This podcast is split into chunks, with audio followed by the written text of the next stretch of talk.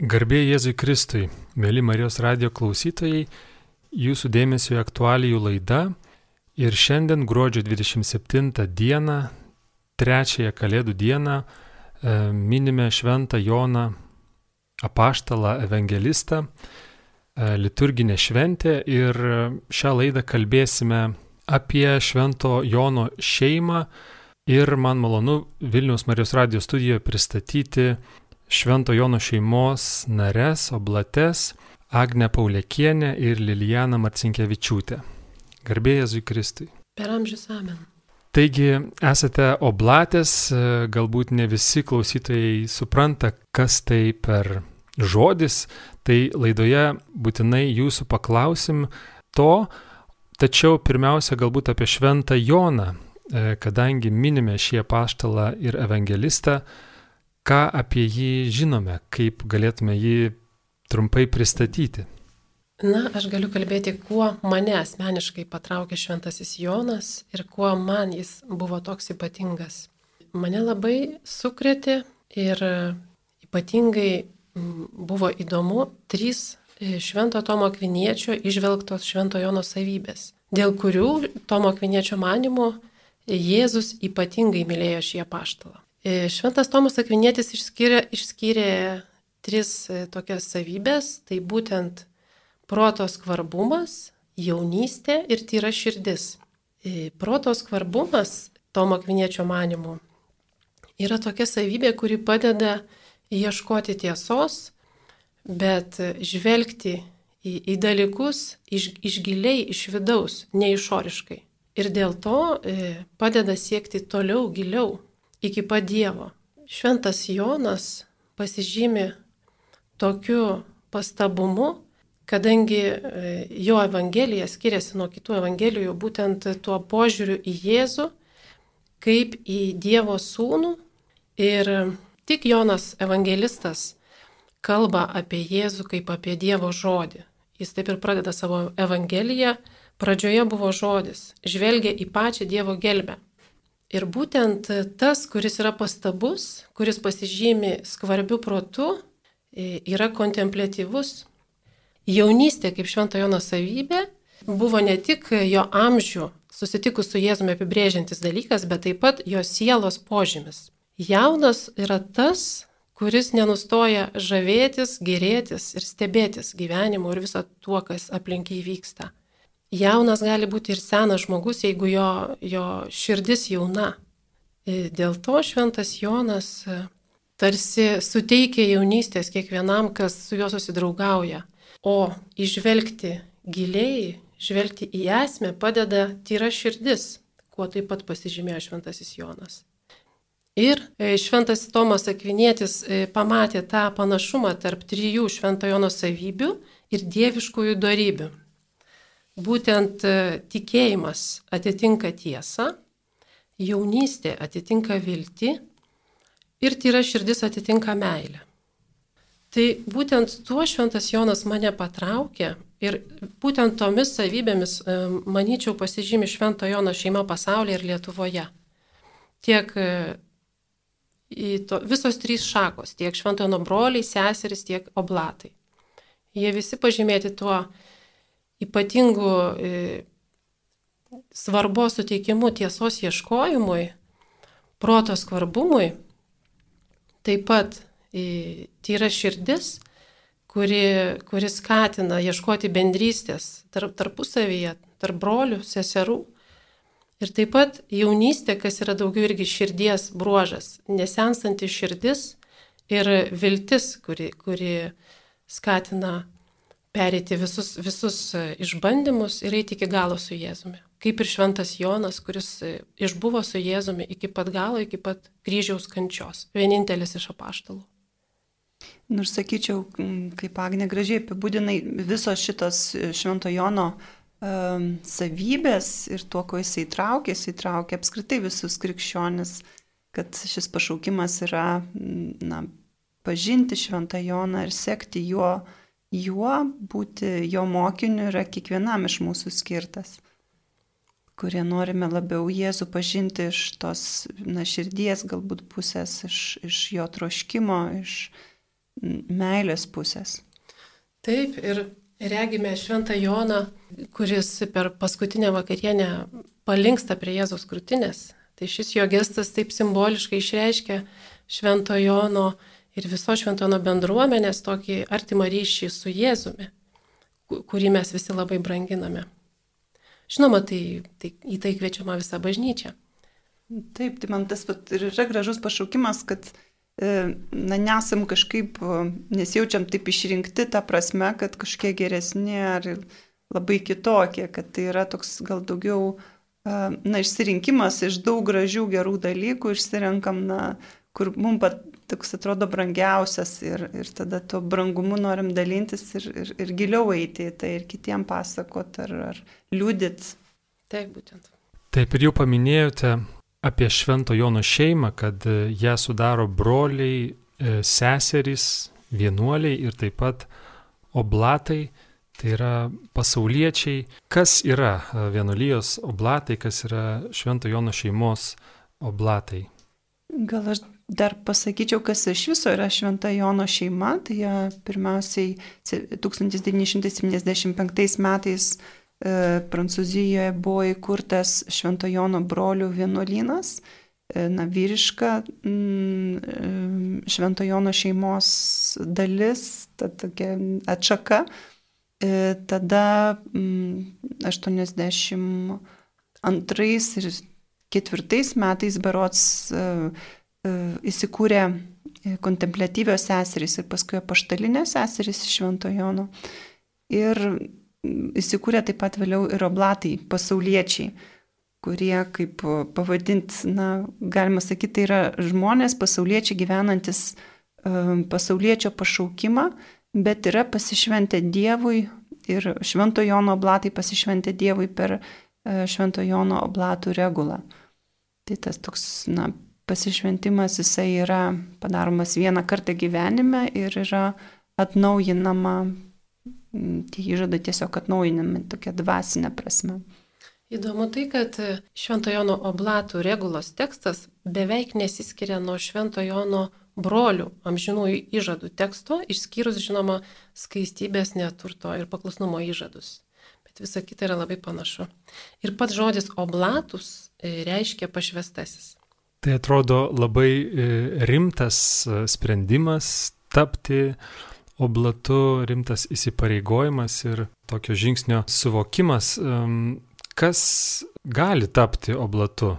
Tai yra pasauliečiai, ar yra kažkokie specialūs, ypatingi reikalavimai ir sąlygos tam? Na, turi būti, žinoma, žmogus išpažinti katalikų, na, krikščionių katalikų tikėjimą būti ne mažiau nei 17 metų. Ir tai um, gali būti pasaulietis tiek vyras, tiek moteris, ir gali būti taip pat kunigas. Um, pasiruošti oblatūrai dabar yra kviečiama nuo vienerių metų iki trijų metų, na, toksai uh, formacijos laikas. Ir paprastai yra oblatas, na, kaip priskiriamas, ateina į uh, Švento Jono brolių prioriją, kuri yra arčiausiai jo. Ir mm, tas paklusnumas tam tikras yra būtent mm, tos priorijos priorui. Oblatorių vienuolių gyvenimas skiriasi. Šventumas yra bendras, bet pasišventimo priemonės skirtingos. Oblatai ir pasauliečiai ir dvasininkai gyvena pagal Švento Jono oblatų regulą. Ypatingų pašaukimų siekdami gyventi Švento Jono apaštalo dvasioje ir nešti tos dvasios vaisių bažnyčiai. Galbūt gali nu, būti klausimas, o ką, kam įsipareigojam iš tiesų. Na, įsipareigojimas tai yra mm, atliekamas uh, Švento Jono šeimos narių akivaizdoje ir pasiaukojama iš tiesų toje akivaizdoje švenčiausiai trejybei per mergelės Marijos rankas ir pasižadėjimas uh, kad su Kristaus malonė, padedant e, mergeliai motinai, vis labiau sekti Evangeliją pagal Švento Jono oblatų pasauliečių gyvenimo regalą. Tai yra tikslas iš tikrųjų pasišvesti trejybį ir gyventi evangelinį gyvenimą pirmiausiai. Nu ir tada kas tai sudaro? E, tai sudaro ir klusnumo dvasia, bet irgi yra na, gyv... pagal savo gyvenimo pašaukimą. Jeigu esi šeimoje, nu, tai ta klusnumo dvasia yra pirmiausia, aišku, su tuoktiniui. E, paskui yra, nu, taip kaip, nu, toj vietoj, kur tu esi. E, taip pat yra, kaip jau Agnė šiek tiek minėjo apie tyrą Jono širdį, tai tas atsiliepia kaip gyvenimas skaistybės dvasia. Mm, tas pasilikimas iš tikrųjų kaip, kaip, kaip mm, kvietimas Jėzus pasilikit mano meilėje ir na, gyvenimas palaiminimų dvasia, kur, kur, kur palaiminti yra vargdieniai pirmiausiai, tai irgi neturtas, tai yra, kuri, žinoma, pirmiausia yra širdies neturtas, tačiau taip pat ir nepasidavimas, nu, neperdėtai, kad ne, neieškotume, neįsikabintume iš šios žemės gėrius, kad turėtume tos dievų vaikų laisvės. Tai čia toks viso gyvenimo sėkinys, sakyčiau. Net neprisirišti prie, prie tų laikinų gerybių, bet uh, turėti tos laisvės jų atžvilgių. Na ir kitas yra bendruomeninis matmuo irgi svarbus. Uh, oblatų pasauliečių bendrystė, kurią išgyvename per susitikimus, per maldą vieni už kitus. Uh, Ir mm, tie susitikimai dar prieš na, visą šitą karantinus, pandemijas buvo reguliaresni, dėja per, per, per tai jie šiek tiek nutrūko.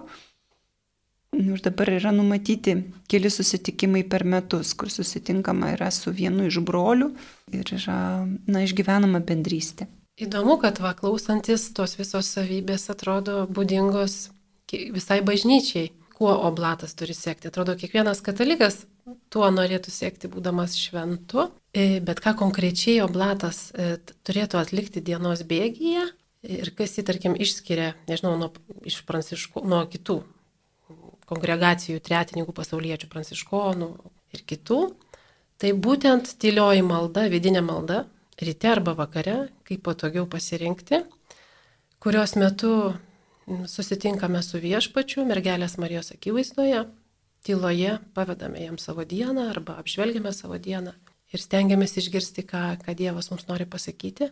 Taip pat septyni pagarbinimai dienos bėgyje, kaip kam išeina, galima ilgiau, galima trumpiau, svarbu savo širdie ties tiesiai kreiptis į viešpatį, kad ir atodusiais.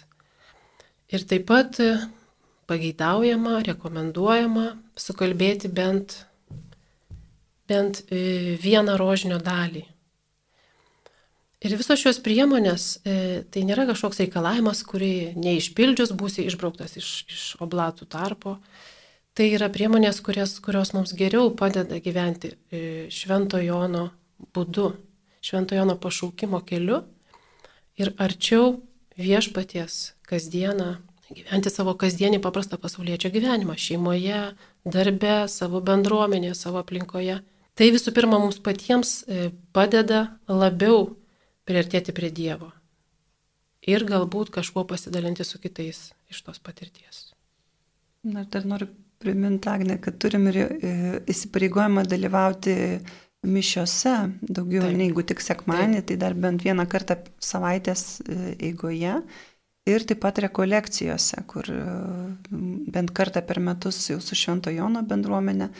Ir vat, aš pasitikslinau besiruoždama į laidą, kad viena diena dykumos per tris mėnesius. Tai Šitas šitą... yra sunkiausia.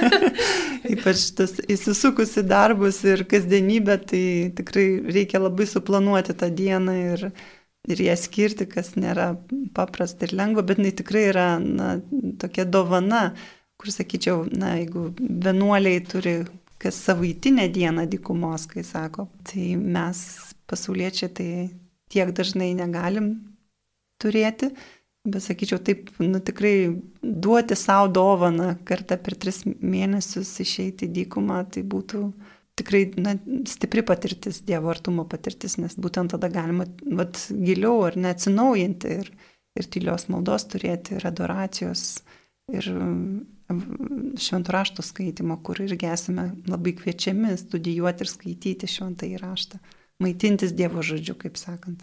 Be abejo. Na ir natūraliai gaunasi, kad tie oblatai, kurie gyvena arčiau kažkokios priorijos, brolių ar seserų, natūraliai e, pagelbsti jiems apaštalavime. įvairiuose darbuose, ar, ar tai būtų šeimų stovyklų organizavimas, ar kažkokiu kitų grupių pagalba, vedimo. Tai labai natūraliai ir jie prisideda prie brolio paštalavimo oblatai Šventojono. Apie, apie tą dykumos dieną, kaip, jinai, kaip jie atrodo, e, šventorašto skaitimas, adoracija, tyli malda, kaip dar jinai atrodo, nes tai galima daryti ir, ir, ir darbų sukūryje, bet kaip būtent ta dykumos diena atrodo, kaip jūs ją praleidžiate, ar jinai gali būti įvairi priklausomai nuo žmogaus, ar jūsų švento Jono šeimos bendruomenė yra kažkaip nustatyta, rekomenduotina, kaip turėtų atrodyti ta dykumos diena. Nėra aiškių tokių nustatytų, tai čia tokia bendra, kas nors, nu, kiekvienas, kas esame bandę nuvažiuoti, kad ir į Betlėjaus vienuolyną pas seseris arba aš mėgstu ir pas mūsų, vat, kad ir Vilniuje kontemplatyves Švento Jono sesutės nueiti į gauti kambariuką ir su jomis kartu na, liturginės valandas melstis mišiose, taip pat būti su jomis. Mm, tai bendruomenė labai padeda, vienuolinė bendruomenė, kur, nu, aš paprastai važiuoju prie vienuolinių bendruomenių, nes man tada iš karto maldos atmosfera man pačiai lengviau išeiti iš savo tokių uh, rūpeščių, iš, iš, iš tų nenudirbtų darbų. Nu ir rekomendacija yra atvažiuoti iš vakaro, kad bent turėtų tokią parą laiko, nes išmiegojus ryte, na, mažiau galva tuštesnė būna, negu kad tik ryte atvažiuoti arba, pavyzdžiui, vakariai išvažiuoti. Bet žinau, kad žmonės ir taip kartais daro ir tai yra geriau negu nieko. Tie, kas neturi tokių galimybių palikti savo miestą arba nuvažiuoti vienuolyną, Žinoma, galėtų likti namie, kiek įmanoma likti ramybė ir, ir netrukdomiems. Bent jau reikėtų išsijungti telefoną ir atsijungti nuo visų tinklų, nuo visų ryšių, kas tave galėtų blaškyti nuo vidinės tylos, nuo susitikimo su viešpačiu ir pasinerti į, į maldą ir į Dievo žodžio skaitimą, sakyčiau. Aišku, sudalyvauti mišiuose arba susitikti su dvasios tėvu, jeigu yra galimybė. Būtent dar gal nepaminėjom su Lilijana, kad kiekvienas oblatas tengiasi irgi turėti dvasios tėvą. Ir reguliariai su juo pasikalbėti apie savo dvasinį gyvenimą, savo dvasinę kelionę. Pertraukiau Lilianą prieš, klausant apie tą dykimus dieną. Agne kalbėjo apie paštalavimą kartu su broliais, tai noriu pasakyti, kad mes nesame, na kaip taip griežtai pareigoti paštalauti vien tik su broliais yra gerai prisidėti prie jų apaštalavimo na, būdo, bet apaštalavimas oblatų mm, pašaukime yra pirmiausiai, na, jeigu šeimos motina augina vaikus, tai jinai su vaikais savo būna ir, ir, ir, ir, ir, ir, ir paskui gal kažkur plačiau šeimų bendruomenė nesitraukia. Bet kiekvienas savo, ar mokytojas, ar gydytojas, ar nu, tiesiog savo darbe gali irgi būti tuo paštalu tarnystę, nu, svarbiausia tai tikrai dėl Dievo daryti, tą, tą išgyventi tokį širdies nusistatymą.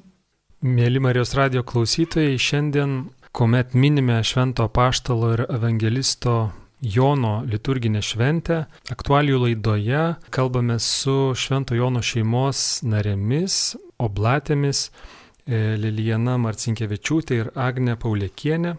Ir kaip minėjot, Švento Jono šeimos um, būdas būti kartu ir išgyventi tikėjimą yra toks, uh, lyg, lyg visi, visi katalikai, visi tikintieji turėtų panašiai gyventi, lyg tai nieko ypatingo, bet vis tik jūs pasirinkote šią bendruomenę, tokį kelią, šią šeimą. Kodėl? Uh, kas jūs patraukė ir koks buvo tas jūsų kelias iki tokio įsipareigojimo?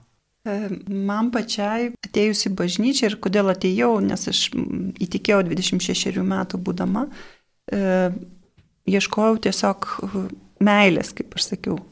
Kas tas Dievas? Tai jeigu jis nėra meilė, tai jis man netinka.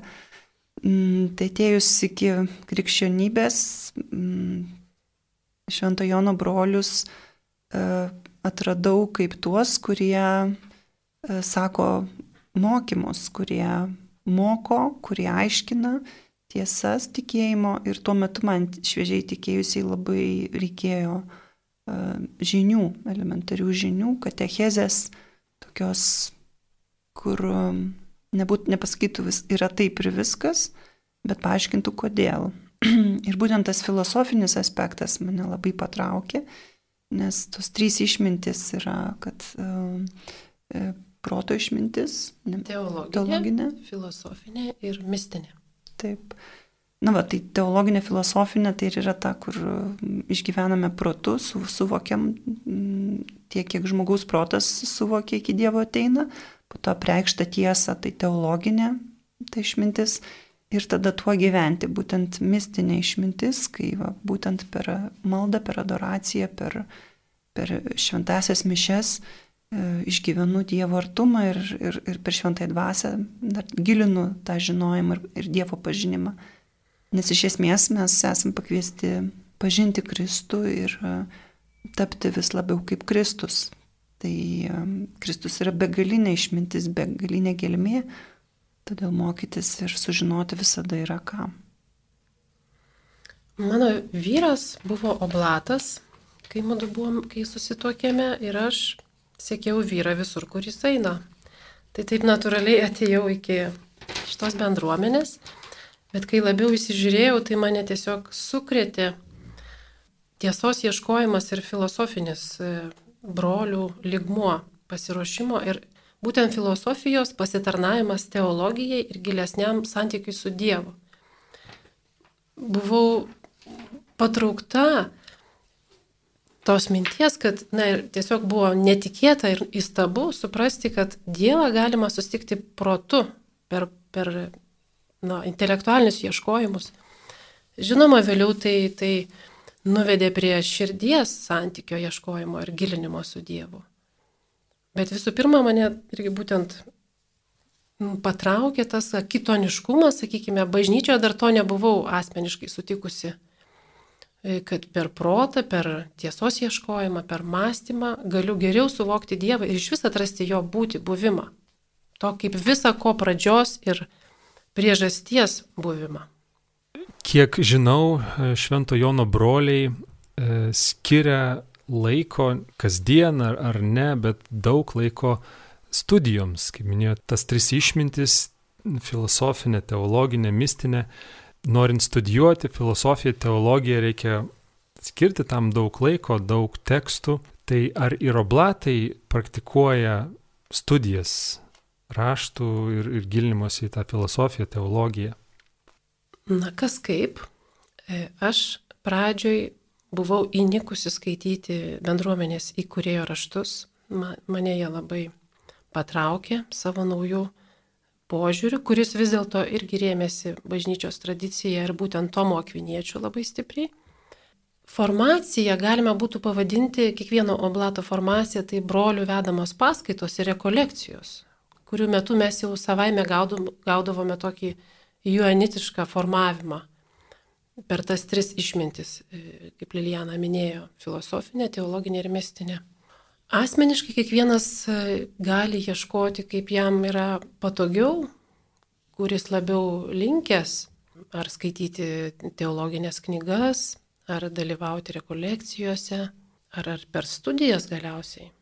Mm, iš tikrųjų, tas studijų troškimas, jisai na, yra toks gyvas ir norisi ir bendruomeniškai tą daryti, tai mes su Agne ir viena iš sesučių kontemplatyvių, tai na, dabar porą metų, mm, kartą per du mėnesius, per tris susitinkam keliom valandom pastudijuoti būtent Tomą Kvinėti. Ir šiuo metu studijavom Šventosios dvasios dovanas. Iš sumos teologijos. tai... nelengva, nelengva. Nu tai toksai, toks alkis, jisai vis tiek, vat, iš to, nežinau, iš čia pašaukimo ir pasirinkimo jisai vis yra ir mane asmeniškai tai Tomas Akvinėtis visada traukia, nors jį suprasti nėra taip paprasta.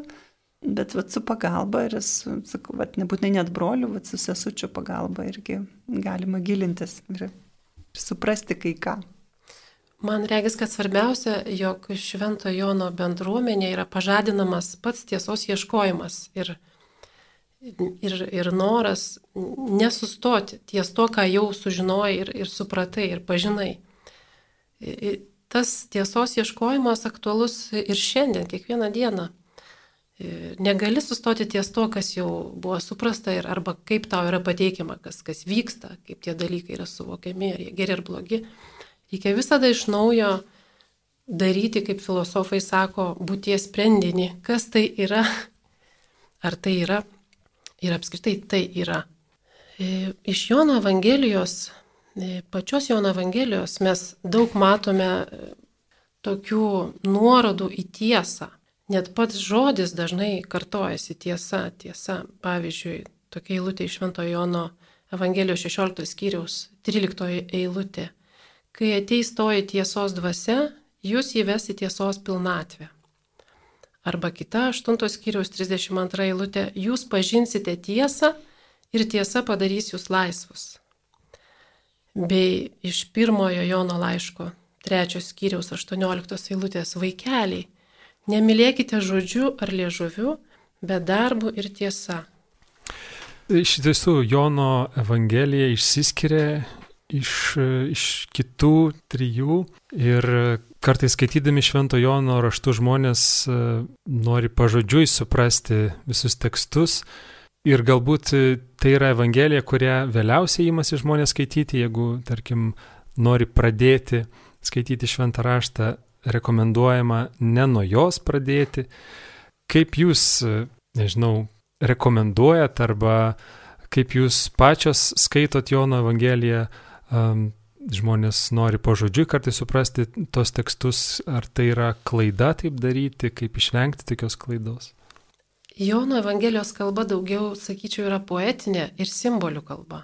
E, norint susipažinti su Jėzaus gyvenimu, istoriškai galbūt ir dėrėtų pradėti nuo kitų Evangelijų, kurios labai aiškiai aprašo įvykius, Jėzaus gyvenimo detalės Bet va štai jau Jono Evangelija tarsi įveda mus į slėpinį.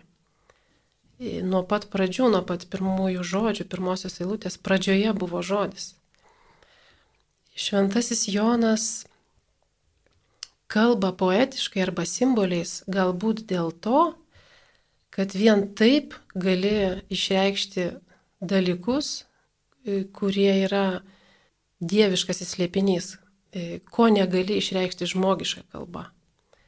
E, man labai patinka Švento Jono būdas kalbėti apie, apie Jėzaus asmenį, ne tiek per, per įvykius konkrečius, bet per jo e, požiūrį ir nuolatinį priminimą, kas jis yra, kad jis yra Dievo sustasis, Dievo sunus. Jis beros septynis kartus pakartoja, aš esu. Aš esu vynmedis, aš esu vartai, aš esu gerasis ganytojas, galop aš esu. Visa Šventojo Jono Evangelija e, mus tarsi e, nukreipia į Jėzaus asmenį ir, ir į jo slėpinį. Kas pats Jėzus yra, kaip, kaip Dievo sūnus, kaip Dievo siustasis. Nukreipia į pačią esmę, sakyčiau.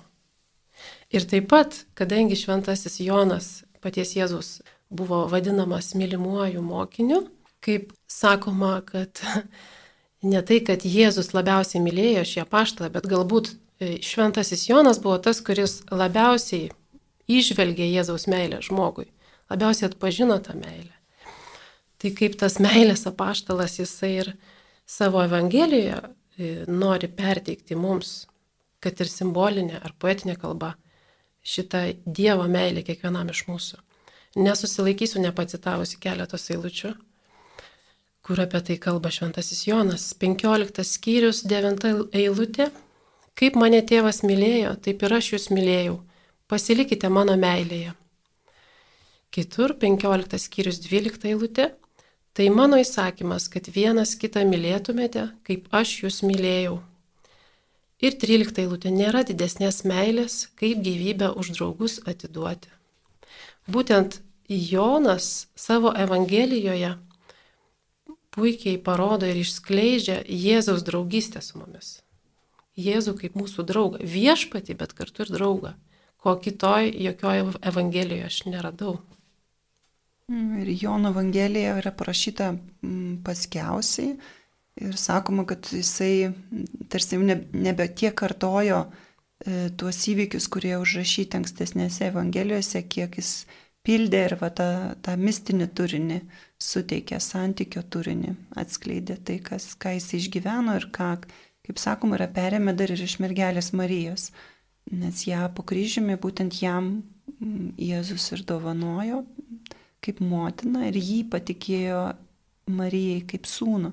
Tai irgi šitas va, toksai santykis su Marija ypatingai yra mm, labai tas gilminis santykis atskleistas Jono Evangelijoje. Būtent gal mes dar ir nepaminėjom su Lilijana, kad oblatams labai svarbi mergelė Marija. Kad kaip, kaip šventasis Jonas po kryžiumi pasiemė švenčiausią mergelę pas save, taip ir mes kviečiami pasimti ją pas save, tai į savo širdį, į savo gyvenimą, į savo kasdienybę. Ir pavyzdžiui, greičiausiai mergelės Marijos artumoje jis išgirdo pasakojimą apie pirmąjį Jėzus padarytą stebuklą ir tai aprašė Evangelijoje tik šventasis Jonas, e, kanos vestuvių stebuklas. Kiek gausi yra Švento Jono šeima?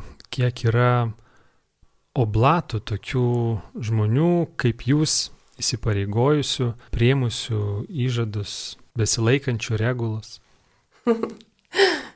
Šitą paskutinį dalyką būtų pasakyti sudėtinga, nes mes tokių kaip ataskaitų neduodame. Tai yra kiekvieno asmeniškas reikalas ir, ir santykis tik jo ir tarp jo ir viešpaties.